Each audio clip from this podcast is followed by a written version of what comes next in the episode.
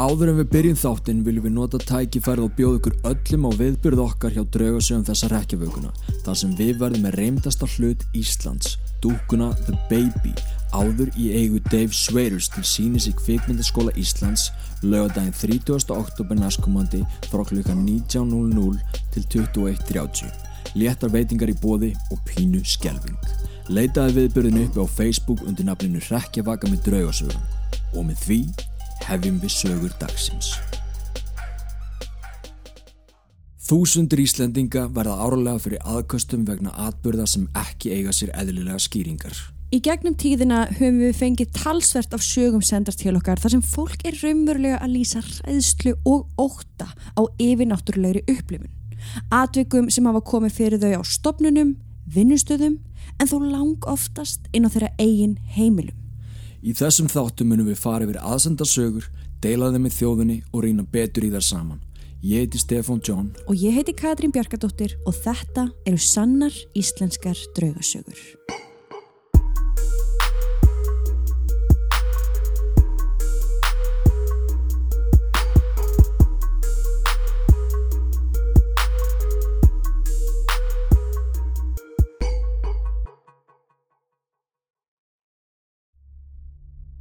Eftirfarandi sögur eru sannar og kom frá fólki úr öllum stjættum þjóðfélagsins.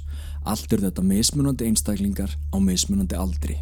Orðlægi og uppröðun hefur lítilega verið breytt til þess að koma sögunni sem best til skila en að öðru leiti eru frásagnirnar nákvamlega eins og þær bárust okkur. Sögurna var að sagja í fyrstu personu eins og þær eru skrifaðar og eftir hverja sögu munum við Katrín taka örstuðt spjall. Saga 1 hjá mömmu og pappa Ég er með sögu sem gerðist bara núnum helgina. Mamma og pappi fóru til útlanda í tvær vikur þannig að ég og kærasti minn erum búin að vera svolítið heima hjá þeim á meðan. Við ákvaðum að gera svolítið rómu þannig að við tókum dínuna úr svefnherberginu og settum hana í stofuna og tókum alla kotta og sengur og gerðum kósi. Á förstu deginum horfum við á mynd en fórum frekar snemma að sofa. Hann sefur eins og stein en við gerðum þeim mistök að leifa honum að sofa upp við veggin í staðin fyrir mig. Ég þarf alltaf að hafa hann á milli mín og hurðarinnar sem á rætur að liggja í gamla heimili mitt og draugagangin þar. Förstu dagskvöld. Ég vakna rétt eftir miðnætti með þessa tilfinningu sem ég þekki svo vel. Það er einhver að horfa á mig. Ég fann að það stóð einhver í hinum enda húsins en þetta er ekki stórt hús eitt opið rými og herbergin út frá því. En þvottahúsið er svo í hinum endanum, ská á móti stofunni. Þannig að þegar ég ligg á dínunni þá sé ég þvottahúsið hinum einn í húsinu nema það var allt slögt og ég sá engan. Ég var andvaka til hálf sex um morgunin þar sem ég lá bara og starði tilbaka í áttin á þvottahúsinu út af því að mér leið ekki vel með þetta og þetta var mjög óþægileg tilfinning. Mér fannst eins og það sem var að horfa á mig vildi að ég myndi finna fyrir sér og að ég myndi vita að það sæi mig þótt að ég sæi það ekki. Ég vek kærasti minn og segja hann mjög stöttu máli það sem var í gangi og drega hann inn í herbergi sem er lengst frá þottahásinu. Laugardagur. Ég vaknaði morgunin og tala við kærasta minn um þetta og hann veit að ég er næm. Ég get til dæmis ekki hort á paranormal hryllingsmyndir þar sem þær opna eitthvað sem ég er búin að reyna að loka á síðan í mentaskóla. Ekkert meira gerðist og við eigum aðeinslegan dag. Við förum í bakgarðinni gegnum þvóttahúsið og erum þar í smá stund árum við förum inn. Ef þú stendur í hurðinni sem er í þvóttahúsinu og leiðir í bakgarðin þá sérðu heita pott beint á móti hurðinni og ef þú lítur til hægri þá er lítið borð og tveir stólar staplaðir á hvern annan sem voru upp við húsið með fram vegnum. Þetta eru mikilvægt details fyrir söguna setna meir.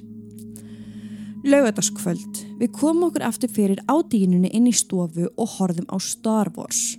Ég fæ strax óþægilega tilfinningu en leifin ekki að taka yfir. Í miðri myndinni heyrist svakalegu skellur koma úr þvóttáðsum eins og hurð væri að skellast mjög hátt. Ég öskra halló þrísasinnum og ekkert svar. Ég stendi upp og hleypin í öll herbergi og eina hurðin sem kom til greina var þvóttáðshurðin þar sem allar hurðar inn í herbergin voru opnar og útitra hurðin var læst en þvóttáðshurðin var það ekki. Kærasti minn, þó hann trúir því sem ég segja honum, þá er hann raukhugsunar gæi sem reynir alltaf að finna útskýringar á öllu. Hann hugsaður að þetta lítur að hafa verið gegnum drekkur og að við höfum ekki loka hurðinni nógu vel þegar við komum inn um þessa um kvöldið. Ég sagði að það væri ekki möguleiki því ef svo væri hefðu við orðið vör við það að gardinutar hefðu flóið upp en þar gerðu það ekki. Hann reynir að hugga mig en ég gati ekki hrist tilfinninguna að þetta var eitthvað skuggalegra. Hann reynir að samfara mig að fara með sér til foreldra hans þar sem þau búa í sömu götu en ég hugsaði að ég ætlaði ekki að leifa þessari veru að reyka mig út. Þannig að við klárum myndina og förum að sofa. Sunnudagur.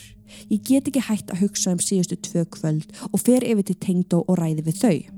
Tengda mamma mín trúði mér þar sem þau hafa oft lendi í svona aðtökum en tengda pappi, það er hægt að segja að kærasti minn fær raukhugsununa frá honum. Eftir að við komum frá þeim þá fer ég beint inn í þvóttahús og reyna að finna út úr því hvað hafði mögulega gerst.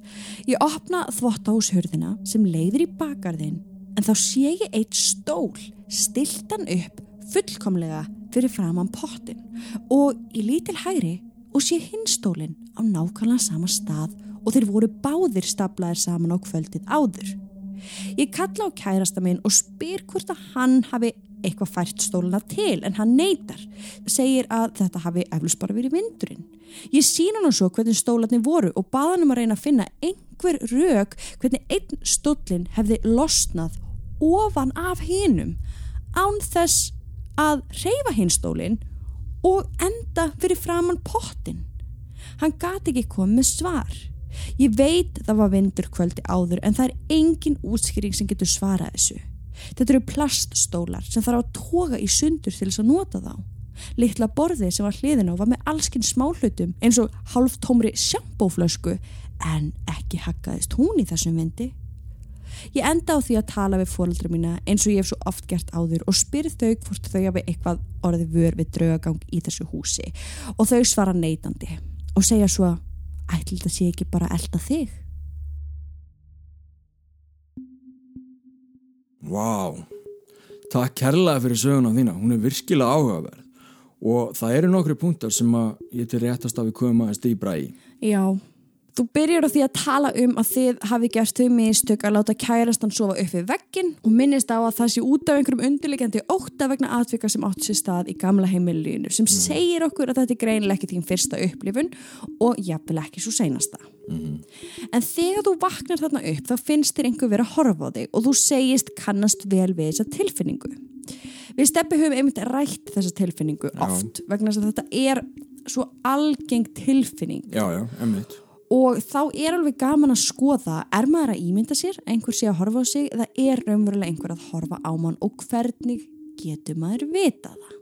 Við höfum alltaf sagt treystið ykkar innsægi við getum til dæmis áætla það að ef einstaklingur er nýbúin að horfa á hræðilega og óhugulega hryllingsmynd í bíó síðan kemur hann heim og það springur ramagni hjá honum þá er alveg líklegt að ímyndunaraflið fara á stað Æmitt. og að þessum einstakling finnist skuggaverur leynast í hverju einasta horni mm. Erum við ekki alls samála því? Við erum svolítið samála Höfum við ekki alls lemt í þessu? Jú, jú, jú, maður er svolítið svona tens eftir að hafa horta á eitthvað eða vil hafa upplifað eitthvað Einmitt. En við erum líka oftast fljót að samþykja þá ímyndun mm -hmm. þá við, það, við segjum það við okkur sjálf æ, þú varst að horfa hryllingsmynd, þú ert bara ímyndaðir Vi, Við erum alveg frekar fljót að samþykja að þetta sé eðlilega hegðun með af aðstæður. Einmitt. En svo er það einmitt aðvikin sem koma algjörlega upp úr þurru þegar maður á alls ekki von á því. Og það eru þau atvik sem við teljum að geti mitt verið svolítið sönn. Já. þú ert þarna sofandi örug, hliðin á kærastaninum heima hjá foreldrinum en það fyrsta sem gerist þegar þú vaknar er að þú finnur einhversi að horfa á þig. Og þér finnst það þessi vera sig að láta þig við af sér sem er reyndar alls ekkit óalgengt og gæti bara vel verið að hún hafi verið að reyna að ná sambandi við þig á þann hátt sem hún kunni og gat. Akkurat. Þú heyri síðan læti þarna daginn eftir sem þið teljið í fyrstu að gæti mögulega verið gegnum trekkur en ákveði svo að það gæti ekki verið eftir að hafa aðtugað allar hurðar og allar glukka. Og svo daginn eftir er búið að færa stólana sem voru staplaðir ofan á hvern annan. Það var greinlega búið að taka eitt stólinn og setja hann við heitapottin ef ég skil þetta rétt. Jú, mér skilst það. Þetta þetta geta geta gerst. Nei, mér finnst þetta svolítið skrítið. Hvernig er hægt að taka bara upp eitt stól og færa hann? Já, sko, en það fyrsta sem maður verður að skoða er, var ekki bara einhver sem færði stólinn. Já, já, einmitt. Þú veist, hvorugt ykkar færði stólinn greinlega en gæti verið einhver hafi komið inn í garðin og fæst stólinn. Já, já, það getur líka verið En við erum vitum náttúrulega ekki hvernig þessi garður er. Ég meina, hún veit það. Já. Hún ætti að geta áætlað, þú veist, nei, vitið það, það er ekki hægt að komast, það, hægt. er grindverk, jari, jari, jari. En, Og hún er komin að þessari niðurstöðu Það sem að, þú veist, það er búið að útiloka ákveðna hluti já, já. En það er samt ekki hægt að horfa fram hjá þeirri starrend að það gæti vel verið að einhver manneski hafi gert hennan gjörning. Já, já, bara einhverju krakkar En í, eða- þú veist, í hvaða tilgangi veit ég ekki og það verður að viðkennast að þetta er ansið furðulegt að gera. Mhm. Þá að fara inn í garð hjá ókunnu fólki, taka eitt stól og stilla hann upp í heitan pott. Ekki nema að þetta hafi verið einhverju krakkar sem vildi mitt bara ruggla í fólki. Þannig að það er ekki ekkert að útiloka það. Ég, ég held bara nákvæmlega þegar við fyrir mér rannsók Já, og maður leita fyrst að svona eðlilegum skýringum já, En ef það er ekkert fyrir hendi Hvað þá? já, en þetta er náttúrulega svolítið erfitt að því þú veist, það er varla hægt að útiloka það að þarna hafi einhver komið inn í garð. Nei, nei, það er rétt ekki nema að sé bara þjóðvörn og bara Öryggiskerfi og- örgiskerfi og það er bara, hann er alveg lokaður eða upp á einhverju hæð, það gæti alveg verið. Já, ég er ekki að segja það, Einmitt. Það gæti alveg verið en þetta er skrítið Já, sama hvernig maður horfir á það þá er það mjög skrítið að taka greinlega bara los ég, ég veit hvað hann á við taka svona plastóli í sundur og setja hinn bara á eitt stað. Það er eiginlega búið útloka þessi vindurinn að því að ég mitt þessar sjampóflöskur og allt hitt var ennþá bara á sínum stað. Þetta er, þetta skrítið þetta sko, ef þetta var ekki manneskja þá gæti þetta verið eitthvað yfirnáttúrulegt og þá mögulega sama veran og var í þvóttásnuðinu nokkrum dögum áður. Já, það er svona tengingin sem er aðna En það að taka heilan stól, sem stólana í sundur Mhm. uh, og færa hann til er bara alls ekki algengt í paranormal heiminum. Nei, Það eru, eru mjög fá tilfelli. já, það sem er svona poltergeist Já, hreyfingar það er mikla orku til þess mikið afl og maður myndi áætla að sá andi sem að getur gert þetta og hefur þetta mikla orku hann væri að valda meiri usla það væri fleiri húsgögn að færast Já. Mm. til hann á heimilinu til dæmi, sko. Vi, við erum í rauninni bara að spjalla saman um þetta, við erum ekki með neina engi svör engi séð í svör, þetta er bara þetta er, þetta er skrítin saga. Mhm, mjög, Fóreldræðinu segjast ekki vera varið við draugagang og spurði hvort þetta sé ekki bara tengjast þér og það gæti alveg verið. nefnilega Nú veit ég ekki alveg hvað þú ert gömul en poltergeist fylgir til dæmis oftast yngri stelpum Mhm. og en þá værir þú sko vör við þetta heima hjá þér líka. já, Ef þetta er eitthvað sem þú ert með ekki vör við en vilt að fari þá skaldu byggja þetta um að fara hátt og skýrt og ákveðið. Eitthvað sem að hræðir mann eða lætur manni líða óþægilega á ekkert erindi í kringum mann en oft þurfum við bara að taka stjórnina og gefa skipun að þetta sé ekki í bóði. Þannig að þetta er, þetta var óguleg saga, já, ekki þægilegt að landa í þessu nei, takk hérlega fyrir að deila henni með okkur. Saga 2 Sveitin og draumarnir Góðan dag, ég er 29 ára, almennt frekar skýr og líklega helst til þver og fjarið því auðtróa nokkuð sem ekki hefur eðlilegar eða eðlislegar skýringar.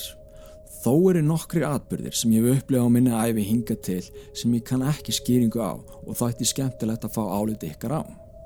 Upplifun 1 Þegar ég er á bylunu fjara til fimm ára, svona þannig að ég er rétt svo muni eftir mér, upplifi ég mjög sérstaka heimsók frá manni sem var mér þá ókunnugur. Það var þannig að við byggum upp í sveit og höfðum bæði kýr og fjö. Þetta var um vetur en það var snjólétt og veður gott þó farið væri að rökkva. Það var ábyggilega föstudagur eða lögadagur því þá var ég gert að sendur einn út í fjárhús að gefa fjönu kvöldgefina meðan fóreldra mínu sendu kúnum.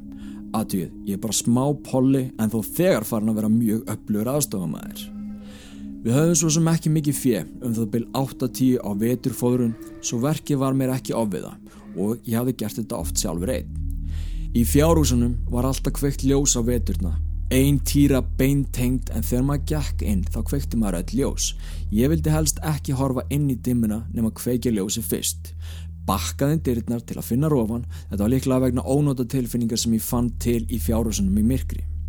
Það var þá að ég byrja að gefa á fyrsta garðan í húsunum. Í þeim voru fimm gjafagarðar en við notum bara tvo með svo fátt fjö. Ég var alveg vissum að þarna væri ég aðleitt. Það gati ekki verið að nokkur væri þarna með mér. Ekki einu sinni bróðum minn að stríða mér því hann var heima á vinu sínum eftir körubóltæfingu í grunnskólanum á svæðinu. Annars hefði bróðum minn verið þarna mér til aðstofar. Þá var ég var við það á ysta gjafagarðinum setur maður sem ég kannast ekki dveið. Ekki minnist ég þess að mér hafi brúðið en það hlauti þetta að vera einhver sem kom í heimsókn. Ég hafði ekki ímyndað með draug eða vofu svona sem barn. Sennilega held ég að draugar væri bara eins og Kasper sem á þessum tíma var vinsætl í sjónvarpi og kvikmyndum. Ég spyr þennan mann hver hann sé en veiti því aðtekli að hann gefur ekki frá sér nokkur hljóð og horfur einhvern veginn ekki átt til mín svo ég gái betur til hans og tek þá eftir því að hann er klæður í mjög tætingsleg klæði. Svona ekki ósveipaðan galla og ég sá pappa klæða sig í fyrir þorrablóti fyrir um veturinn þegar hann var að leika gangnamann á fjallaafréttunum sem hafa lendt í rakningum árið 1900. Það sem vakti enn fremur aðtikli mína var að þessi maður sem ég sá var að reykja pípu. Við þetta brá mér frekar því ég vissi sem var að það var algjörlega stránglega bannað að vera með nokkur eldfæri eða síkrettur eða nokkur slíkt í fjárhúsunum eða í hlöðunni vegna eldættu. Þetta gat bara ekki verið. Eitthvað reyni ég að ná sambandi við mannin og gengur ekkert svo ég hleyp skelkaður aftur út í fjós og frekar órólegur greini fóröldrum mínu frá þau sem ég hefði séð en mæti þar mjög takmörku um skilningi öðrum en til þess að hugga mig. Þarna gat ekki verið að nokkur væri Svo mamma ætlaði með mér út í fjárhúsin til að klára. Þegar við komum út úr fjósinu eftir cirka tvær mínútur eru leðnar á að giska frá því við komum hlaupandi í fjósið sáum við að fjöð er alltaf hlaupa út úr fjárhúsunum. Ég hafði glemt að loka dýrunum á leðminni út og skammitna sem ég fekk, almáttur minn. Þarna fór allt kvöldið í smalamennsku heimatúninu í síðvetra hlákunni. Það sem þessi vittlisa í mér hafði orsaka mikið vandræði. Á sveitabænum voru tvö íbúðarhús. Amma mín bjó í eldra húsinu og ég fór mjög oft til hennar á kvöldin og fekk hjá henni salgeti og íspinna. Ég var senduð til hennar á meðan fórdra mínu smöluðu túnið og komið fjönu aftur í hús. Ég sagði með minni frá því sem hafi gæst og hún síndi mér mun meiri skilning en fórdra mínir og virtist trúa allir sem ég sagði. Svo þá minkaði Evin innan mig sjálfur mér og ég sagði henni meira af því sem hafi gæst. Ég gæti líst klæðabörði mannsins og því að hann var með pípuhatt sem var mjög óvinnilegt að sjá myndi mig á Monopoly mannin. Amma mín hjælt rósinni en sagði snjált við mig. Háðu engar ágjör á þessu. Þú sleftir ekki fjönu út. Ég gaf í morgun og ég sá sem var að gardaendarnir voru lokaðir kyrfilega og bundnir með snæri. Fjöð hefði ekki sloppið út þó þú hefði glemt að loka út í dyrunum. Þarna áttaði ég mig fyrst á því að þetta var rétt sem hún saði. Það var ekki mér að kenna að fyrir slapp út. Það var ekki nokkur leið að ég hefði getið opnað gardahendana því þeir eru byggður úr timbri og mjög þungir. Það þarf að lifta þeim upp fyrir höfuðhæð mína til að opna og var bara algjörlega ómögulegt. Ég prófaði með þess að eftir þessu uppákomu án þess að nokkuð vissu af og þetta gæti ég enga veginn gert. Amma mín saði í lokin, hafðu engar ágjur af þessu. Þetta er bara hans langafiðin, fadir afa míns Bæði hann og afi minn voru dánir. Gerir þér ekki neitt, hann hefur bara verið að stríða. Eftir þetta myndist ég aldrei á drauga við fórildra mína. Amma mín dó ekki laungu eftir þetta en ég við gegnum tíðina oft efast um að þessi upplifin mín sé rétt eða að hann hafi yfir höfuð átt sér stað. Þegar ég var um það byrj 15 ára rifjaði þetta upp við fórildra mína en þau myndi ekkert eftir þessu en myndu eftir því að ég hafði hleyft allir fjönu út á túnum miðjan vetur þegar ég var pínlítið til polli. Upplifin 2 Þegar ég var 12 ára fóru við fjölskyldan á samt nágranna fjölskyldu í mánaðar frí til Thailands og ég hef tengt þennan draum við þá ferð þar sem upplifin mín í draumnum líktist mjög svæðinu sem ég sá í draumnum. Um það byrð þremu mánuðum eftir heimkomu fæ ég ofbóðslega martröð. Mér dreymdi að við varum stödd í þyrlu og öll með vopn. Við vorum í því sem ég hef síðar komist að og talið rétt í Vietnamstríðinu. Við flögum látt yfir skógi og sprengtum og skutum nýra á jörðu. Síðan hæfur eitthvað þyrluna og hún tekur að hrapa til jarðar úr töluverðir hæð. Ég man hvað ég fann til raunverulegra tilfinninga þess að þyrlan hrapaði svona þegar maður strekkist upp í beltin líkt og í falltörni í tífólíi. Um það beil sem þyrlan skellir til jarðar vakna ég og hjartslátturinn er á minnstakosti 200 og ég kóf sveittur. Ég svaf ekki meira þessa nótt, þetta var raunverulegra en nokkur draumur. Á þessum tíma vissi ég ekki neitt hvað Vietnamstríð var eða nokkuð slíkt. enn síður hvernig Vietnam leit úr lofti eða þá hvað tilfinning það væri að setja í þyrlu og skjóta úr velbissu en hef ég setni tíð hort á myndir og heimildir og sé mjög svipaða sviðsmynd hvernig gati ég sé þetta allt fyrir mér í draumi án þess að hafa nokkurt viðmið á þessum tíma er mér afar hulin ráðgáta og sannbyrði þess að eitthvað utanakomandi síndi mér þetta Upplifun 3 Þegar ég var 24 ára og búsettur í Reykjavík heimsóttu mig vinnufélag í draumi og kvatti mig. Við höfum starfað saman í einn 6 ára á litlum vinnustad, höfum jafnan elda grátt silfur og ekki alltaf verið sammála, oft rifist en voru samt miklu félagar. Hann hafði tveimur árum áður greins með krabbamæn sem síðar komi ljósa var ólæknandi. Hálfa árið fyrir þessa uppákomu hafði hann verið frá vinnu vegna veikinda. Á þessum tíma var ég að stíga minn fyrstu skref í húsnæðisegn og var flutturinn í íbúð í Breiðholtin í Reykjavík. Þar var frábært að búa. Ég var aldrei nokkuð tíma var við nokkuð hlut en ég er þó frekar berðdreimin almennt. Hef tekið eftir því að ef ég sef við opin glögga þá mann ég frekar drauma mína þegar ég vakna. Þannig var það með þennan draum. Mér dreymdi að við hefum verið í vinnunni og þar eru innkyslu dyr fyrir bíla til að komast inn í vinnusalinn en það kom stundum fyrir að vindveður voru svo svakaleg og okkur leist ekkit á að opna þess að dyr. Við sleftum því þá gjarnan alveg. Í draumnum reyfumst við um það hvort við ættum að opna eða ekki. Ég sagði nei, við opnum ekki og hann opnaði samt. Í þeirri andrá ripnar hörðin úr falsinu og fíkur út í buskan og ég vakna. Þar með er ekki allt búið. Ég settist á rúmstokkin og veldi þessum draumi fyrir mér fyrst ég var glad vaknaður. Þá finn ég ofbóðslega reykingalikt en ég vissi sem var að allir glukkar voru lokaðir því það hefði spáð slæmi vöðri. Ég taldi reykingaliktina kannski kom úr samegninni og opnaði því fram en þar var engin slík lykt. Geng aftur inn og finn lyktina hvergi annar staðar en inn í svefnarbygginu. Þá fekk ég gæsa húð. Þessi vinnufélagi minn var einmitt mikill reykingamæður. Ég fæ svakalega gæsa húð frá tám og upp að enni við það eitt að skrifa ykkur um þetta. Ég fer því fram aftur og í eldús og þar ætla ég að fá mig vasklas en ég staldra við eldúsborðið því þar finn ég ofbúðslega kaffilikt en ég vissi sem var að hvorugt okkar sem byggum þarna drökkum kaffi. Við vorum ekki eins og með kaffivila á þessum tíma en vinnufélagi minn drakk afar mikið kaffi og ég fann þessa lykt oft frá hennum rétt eins og reykingalyktina. Þarna ákvað ég að þessi vinnufélagi minn hefði verið að heimsækja mig því tveimur dögum síðar komst ég að því að hann hafði dáið um morgunin áður en mig dreymdi þennan draum og upplifið þessa nærveru. Ég hef alltaf trúað því að við höfum skilið í góðu og hann hafi bara verið að þakka fyrir og hveðja en það hef ég aldrei orðið var við nokkuð slíkt síðar.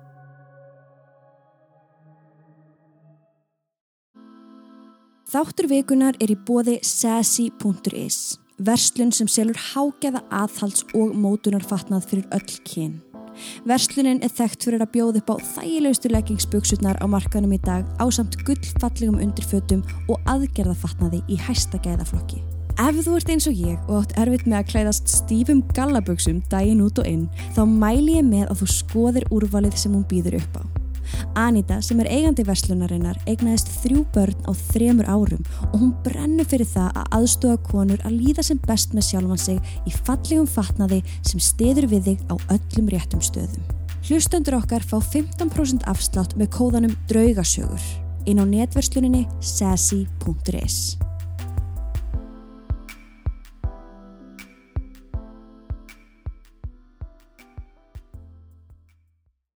Þetta er laung saga No. og hún er ekki búin af því það er upplifin fjögur Mm.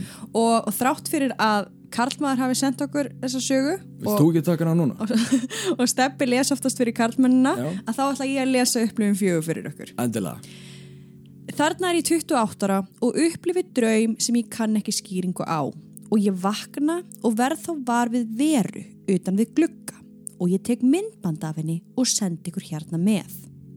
Þennan draum og þessa upplifun skil ég alls ekki og hef ekki komist að nokkuri þýðingu á henni en hún hefur heldur ekki ángra mig nokkuð.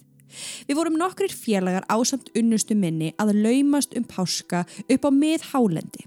Ætluðum að verja páskahelginni í fjallaskála fjari mannsbyggðum um hávetur. Þangað var engin leið að komast nema á ofurbreyttum fjallajeppum. Ég á eitt slíkan og nota mikið til slíkra ferðarlaga. Ég segi laumast því þetta voru fyrstu páskar eftir COVID-19 og víðir skipaði öllum að ferðast innan hús við óhlýðnuðumst. Veðrið var frábært, það var ekki skí á himni og dagurinn frábær af öllu leiti. Fjallaskálinn sem við fórum í heitir Strútur og er við Mælifellsand, norðan Myrdalsjökuls. Þessi dagu var frekar langur. Við lögðum á stað frá Reykjavík um 6.30 að morgni og vorum komin í fjallaskálan um klukkan 13. Við ákváðum því að brölda lengra á bílunum og fara inn að strútlaug sem hægt er að baða sig sem og við gerðum. Við komum aftur að skálanum um kvöldmataleiti og hefðum sameilega kvöldverð og spiluðum og hefðum gaman um kvöldið. Svo fóru allir að sofa, enda þreytir eftir langan dag á ferðalagi. Mig dreymir ég upplifi allan daginn, frá upphafi til enda, alveg í smáatriðum, hvert einasta atriði upplifi ég aftur í drauminum og á sama hraða og það gerðist í alvurni. Það voru engar breytingar á neinu. Nema þegar við komum að strútslaug í draumi. Við erum að baða okkur og þá sér ferðafélagin minn mann upp í hlýðinni og bendur okkur hinnum á. Við köllum til hans en hann hörfar, hleypur upp hlýðina og forðast okkur. Við drýfum okkur upp úr og erum að ræða hvað þetta sé nú skrítið og eldum veruna og spór hennar sem eru fótspór eins og eftir mann í snjónum. En við finnum hann ekki og gefumst upp. Áfram heldur draumurinn á sama hraða og upplifun mín á deginum nema heimferðin að skálanum er öðruvísi og við erum af og til að ræða í talstöðinni hvað þetta hafi verið skrítið hvað þetta hafi geta verið og svo framvís. Svo heldur draumurinn áfram og upplifunum af kvöldinu er svo sama. Allt gerist á sama hraða og það gerist í vöku og í draumi. Það hef ég ekki upplifað fyrr. Ég man að mér dreymdi það að fara að sofa sem ég hef heldur ekki upplifað fyrr og þótti sérkennilegt. Þá rekk ég upp að ég taldi og heyri hver bankað er á gluggan.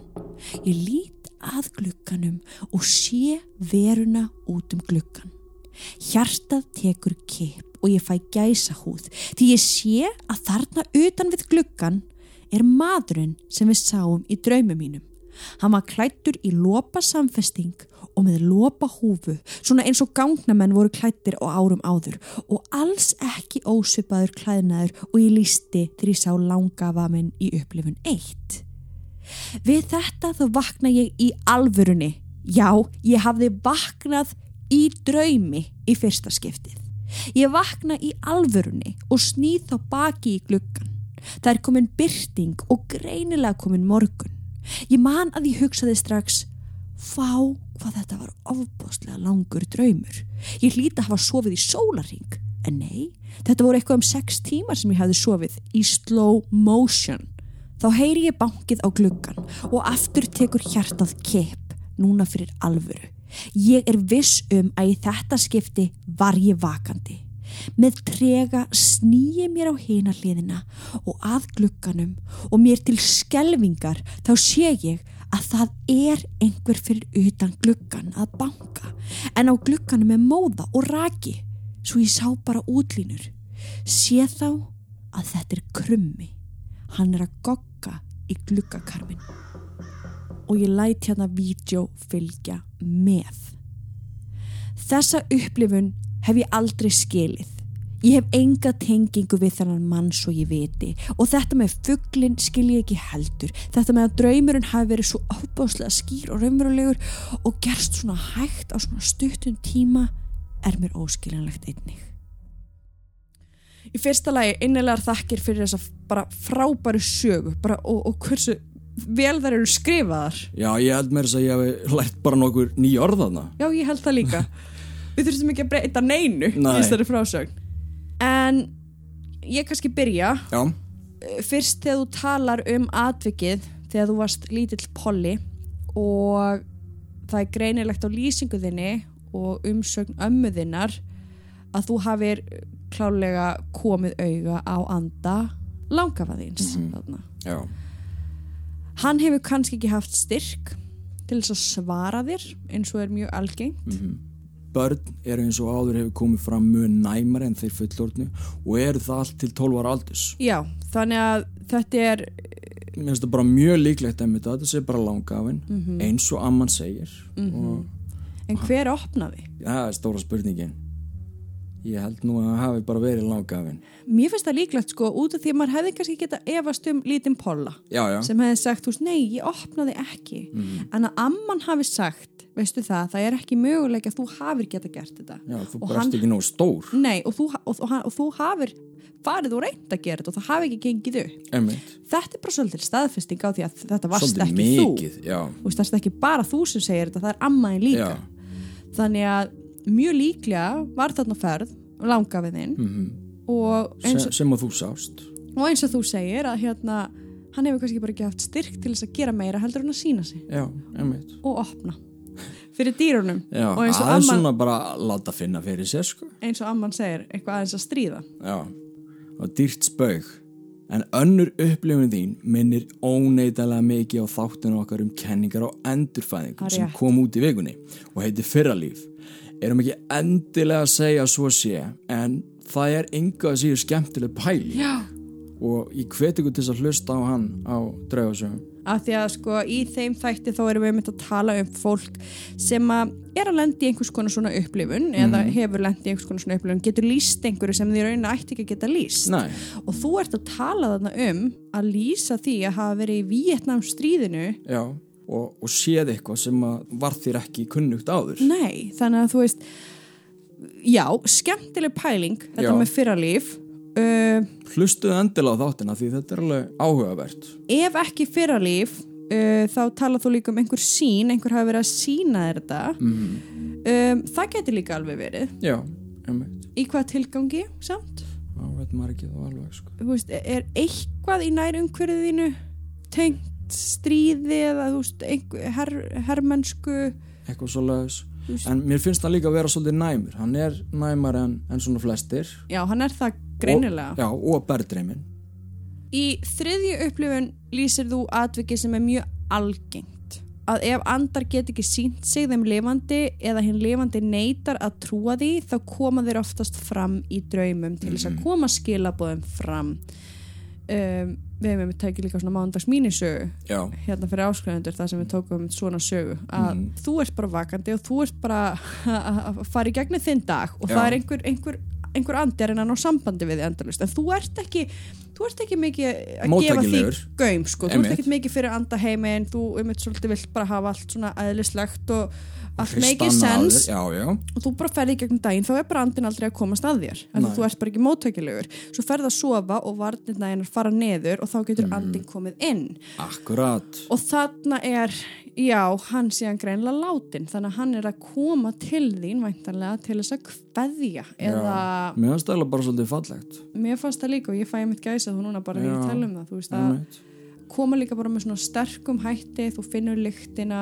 Já, akkurat. Er veist og tvær mismunandi leiktir Já. mjög stert draumar telja sem auðveldasta leiðin fyrir anda að bera sig fram. Já, og það dregur okkur að fjórðu og síðustu upplifuninni sem er svipuð hvað það var þar en fjallaskálar á Íslandi eru margir hverjir ef ekki allir reymdir að einhverju leiti fólk hefur auðvitað dáið út á hálendum í margar aldir og því oft leitað í næsta húsaskjál Hrafnin hefur líka alltaf verið tengdir draugum og öðrum verum og því alveg möguleiki á að andar þarna beri sig fram í þeirra formi. Sko krummi Já. er rosalega sterkur. Þá alltaf að hlusta á krumma. Það var hérna mér kent bara frá því ég var lítið barn. mömmuðinni, jú, jú. og bara ef ég er núna að tala heima hjá mömmu minn og pappa við vorum nú bara um daginn Herði, og við vorum að tala um hérna rannsóknin okkar Já. í, í Shrewsbury fangelsinu og ég er að segja sem sagt mömmu og pappa ég sé svolítið þreytt eftir rannsóknin og svona Já, já. þá þurfti alltaf að stoppa að því krummi þurfti alltaf að tala inn á milli sko. Já. Að því krummi var komin fyrir utan og alltaf þegar ég var að tala um andana og eitthvað svona þá sagði krumm alltaf eitthvað Mér fannst það svolítið magnað og líka bara það sem við vorum að tala um þetta var svo já, það var erfitt að neyta fyrir þetta. Já. þannig að mér finnst líklegt að þarna bara, í fyrsta ræði, ég veit ekki hvort þú viljir heyra það eða ekki en þá náttúrulega bara ert þú greinilega mjög opinn manneskja. Og þú hefur greinilega hæfileika þarna á þessu paranormal sviði.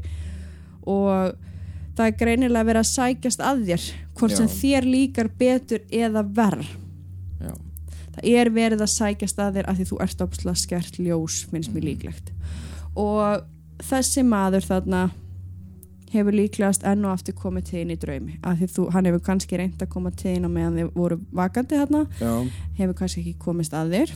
En líklegt að maðurinn hafi þarna komið til þín og verið að byggja um eitthvað. Jafnvel bara séð ljós, skert ljós og ákveð að koma til þín. Og svo vaknar þarna í alvöru og þá er hrafnin fyrir utan. Ég menn þetta er veit. opbóðslega þetta er rosalega stert er stert það sem að ég myndi bara svona mæla með er ef þetta er eitthvað sem þú vilt ekki Mhm.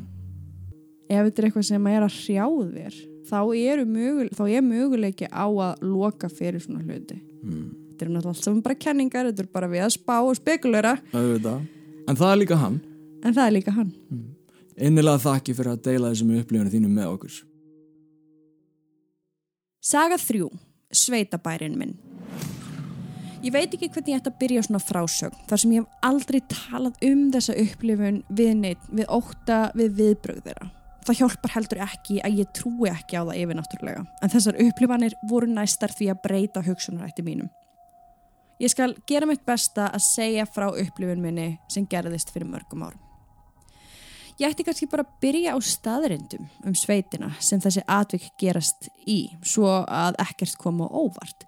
Við fjölskylda mín erum búin að eiga heima í sveitinni í margar kynnslóðir 200-300 ár. Húsið hefur farið í gegnum margar endurbyggingar frá höfðingjasetri og ásahofi yfir í torfbæ, yfir í venjulega steifta sveit á þremur hæðum. Einnig er gott að nefna að þar sem þetta var gamalt höfðingasetur og hof þá var fullt af fólki jarðað þar í kring og einnig er gamalt aftökustadur ekki langt frá jörðinni sem sveitin stendur á. Ég var í kringum átt ára þegar ég byrjaði fyrst að taka eftir litlum hlutum sem gerðist út um allt húsið. Ég heyrði oft fótatök þegar enginn var á ferðinni. Ég heyrði fólk kvísla á milli sín þó það væri enginn vakandi. Þegar maður finnir í kjallara þar sem eldús torrbæjarins var finnst manni oft eins og verið sé að horfa á mann og ég hef tekið eftir leikfengum sem ég var vissum að ég hafi sett á einhvern stað þá var búið að færa þau og þau komin á einhvern allt annan stað í alltara stellingu. Ég man sérstaklega eftir einu atviki þar sem ég var að leika mér með dúkku. Hún var reysa stór svo það fór ekki að milli mála hvar ég hafði sett hana niður. Ég heyrði ömmu kalla mig í mat svo ég set dúkkuna á stól svo það leti út eins og hún væri alvöru manneskja. Ég fer upp í eldús, borða og fer svo aftur niður til að halda áfram að leika mér. En þegar ég kem inn teki eftir því að dúkkan er ekki á stólnum sem ég sett hana í. Heldur liggur hún á borðinu með alla arma út rétta. Ég fyrst reynda að samfæra mig um að einhver fjölskyldumöðlumur hefði bara fært hana en það var eiginlega ómögulegt þar sem allir voru upp í eldús að borða. Margir hefðu kannski verið hrættir og sagt mömmu sinni eða pappa en ég var áttar á krakki sem elskaði Toy Story og held að dúkkan væri lifandi eins og í myndunum. Ég hef aldrei spurt neitt hvort hann upplifi sömu hluti og ég en ég man eftir því þegar að mamma sagði að þegar bróðir hennar var einn heima heyrði hann oft í einhverjum lapp upp stegan og einhverjum sem var að kvísla. Hún sagði mér í gríni að eitt kvöldið sem hann hefði verið sofandi og heyrti einhvern háfaða hafa hann opnað hörðina á svefnumbygginu sín og öskrað Þegiði, ég er að reyna að sofa og það heyrðist ekki meira næstu vikurnar. Ég er nokkuð vissum að mamma hafi verið að reyna að hræða mig en þetta hefur einni gerst fyrir mig. Þegar ég var um byrjum 12 ára ein í húsinu, liggjandi upp í rúmi að reyna að fá mér smá lúr þar sem ég hafi sofið illa nóttina áður, heyri ég eitthvað. Ég heyri einhverjum tala og lappa upp tröppurnar í átt að svefnarbygginu sem ég var í. Ég var samt ekkert hrætt þar sem mamma var búin að segja mér frá upplifum frænda míns og sagði því bara getið þið haft hljótt. Hljóðið hjælt áfram en í þetta skipti var eins og það færi niðurstegan en ekki upp. Ég hef ekki hugmynd um hvort þetta komi þessu yfirnáttúrulega við en litli bróða minn neytar að sofa í sama herbergi og einhverjir postulins trúðar og einn trúður sem er í raun spiladós en hann er bilaður. Í hvert sinn sem við erum að fara að sofa tekur hann trúðana úr herberginu, setur það á skeng á móti hurðinni og fer svo að sofa. Ég man að ég spurðan eitthvað tíman að þessu og ef ég man rétt svaraðan mér líður svo einkennilega í kringum þá. Ég veit ekki hvað þetta er en það er eins og þeir fylgist með mér þegar ég fer að sofa. Ég pældi svo sem ekkert í þessu og lefði hann bara að fara að sofa. En það er góð ástæða að enginn vill hafa spiladósartrúðin þar sem hann á það til að byrja að spila upp úr engu og sveibla hausnum sínum til og frá vegna mótorspilunar. Það er það ógulegasta sem ég hef nokkuð tíma lend í. Ég ætti kannski að taka það fram að ég hef aldrei fundið fyrir neikvæðan tilfinningum þarna nýja hef ég tekið eftir einhverju óvennilegu þegar við erum að gera upp húsið. En ef það yfirnáttúrulega er til þá er eitthvað þarna en það vill okkur samt líklast ekki megin. Hvað haldið þið? Ok, það er eiginlega ekki skrítið að eftir að búið hefur verið á bæ í meirinn 200 ár þar sem margar fjölskyldur kölluðan heimili að þar sé einhver orka sem sé eftir mm -hmm. hvað sem það eru bara residual leifar eða bara hreinlega einhver framleiðin ættingi og kannski, jú, einhverju sem hafa verið teknir að lífið þarna eða mm -hmm. þeir sem eru grafnir þarna í kringum bæin og sömur verur taka sér oft bólfest í hlutum á meðan aðrar láta það döga að færa þá bara til annars lagið. Hvað sem það lítur allt öruvísi út í þeirra heimi eða þá bara einhvern veginn til að ná aðtiklu okkar levandi Það sem enginn verið samt vera hrættur má draga líkur að því að þetta sé eins og oftast uh, alveg meinlust og líklega mm. bara hinn típisk ef svo maður segja húsdraugur okkar íslendinga. Já, en samt sem að þá er drengurinn. Já. drengurinn er hrættur Já, og hann er með þessa tilfinningu, hann veit ekki hvað það er en það er eitthvað. Og stundum þurfum við einmitt að hlusta á þessa litlurödd í maganum okkar sem að segir, herðu, það er eitthvað að. En það er greinilega sem tengist aðlið sem trúðum og ég myndi þá bara hérna, ef, ef, ef ykkur þykir ekki væntum þess að trúða. Bara gjör svo alveg fjarlæði þetta. Þá myndi ég fjarlæði þá, ég myndi bara grafa á niður sko. og, og þá ekki saga meir um Nei. þá eða hafa samband okkur Já, en, en ef þetta eru trúðar sem að einhver átti einhver minning, eitthvað svoleiðis að hafa þá bara einhver starf það sem er ekki nálagt þessum dreng. Fyrst að hann svona verist fyrir svo einu sem er hrættur það sem ég varst líka kom stert þarna en er að mamma henn er að segja þarna söguna mm og mhm. hann öskrar þarna þegar þið láta mig vera. Já. besta sem þú getur gert þegar það kemur að draugangi ef þú ert að díla við draugang heima hjá þér þetta er besta sem þú getur gert. Standu upp og öskra, láta mér frið farið, ég og heima þetta hérna, mitt hús út. Við erum alltaf að einbra á þessu og þetta skiptir svo miklu máli og þetta gerir svo mikið gagn. Bara statu upp og statu á þínu. Algjörlega og þú greinlega gerir það síðan líka að þú mm. gerir það svona aðeins róleira um, þú segir þá hann hafi þá eh, kannski snúi við sko að fara niður en ekki upp. Já. þannig að það greinlega hefur virkað. Ég meina ef þetta er að virka að, að tala svona við þá Já. svolítið bara svona eins og bann sem þarf að endur taka aftur og aftur og aftur þá ætti þetta og endanum að fara. Veist, þetta er ekki endilega komið til að vera. Þá vilja náttúrulega fáir vera það sem þeir eru ekki velkomnir. Og það sama áalvi við hérna draugana. Já. þannig að ég myndi ekki hafa miklar áhyggjur á þessu en fjarlæga trúðana halda áfram að byggja þá um að láta ykkur í friði og, og svo bara eins og þú verið skeraði grein fyrir þetta er gamal staður mm. og þarna eru þarna leina saga og... og þarna leina standar Já. Við viljum byrja á því að þakka öllum höfundum fyrir sögurveikunar og ykkur hinnum kærlega fyrir að hlusta Við erum nýkomin heim frá Breitlandi þar sem við letum læs okkur inn í Shrewsbury fangilsinu sem er eitt reymdasta fangilsi heims. Endilega kíktun á patreon.com skástrygg draugasögur þar sem við munum brálega að gefa út vefþætti um þessa stærstu rannsókn okkar til þessa. Endilega fylgd okkur á Instagram og Facebook undir nafnu Draugasögur podcast. Sannar íslenska draugasögur er vikulegt hlaðvarp sem kemur út á förstu dögum klukkan 12 á hádegi svo lengi sem okkur halda áfram að berast sögur frá ykkur í gegnum draugasögur at draugasögur.com mert aðsendar sögur. Takk fyrir að hlusta og þánga til næst. Ef þið líkaði þátturinn í dag, endilega fylgd okkur á Spotify og gjá okkur umsögn og stjórnir á Apple Podcast. Fylgstu mig á Instagram og Facebook undir nafninu Draugasögur Podcast til að missa örglega ekki af neinu. Takk fyrir og þangu til næst.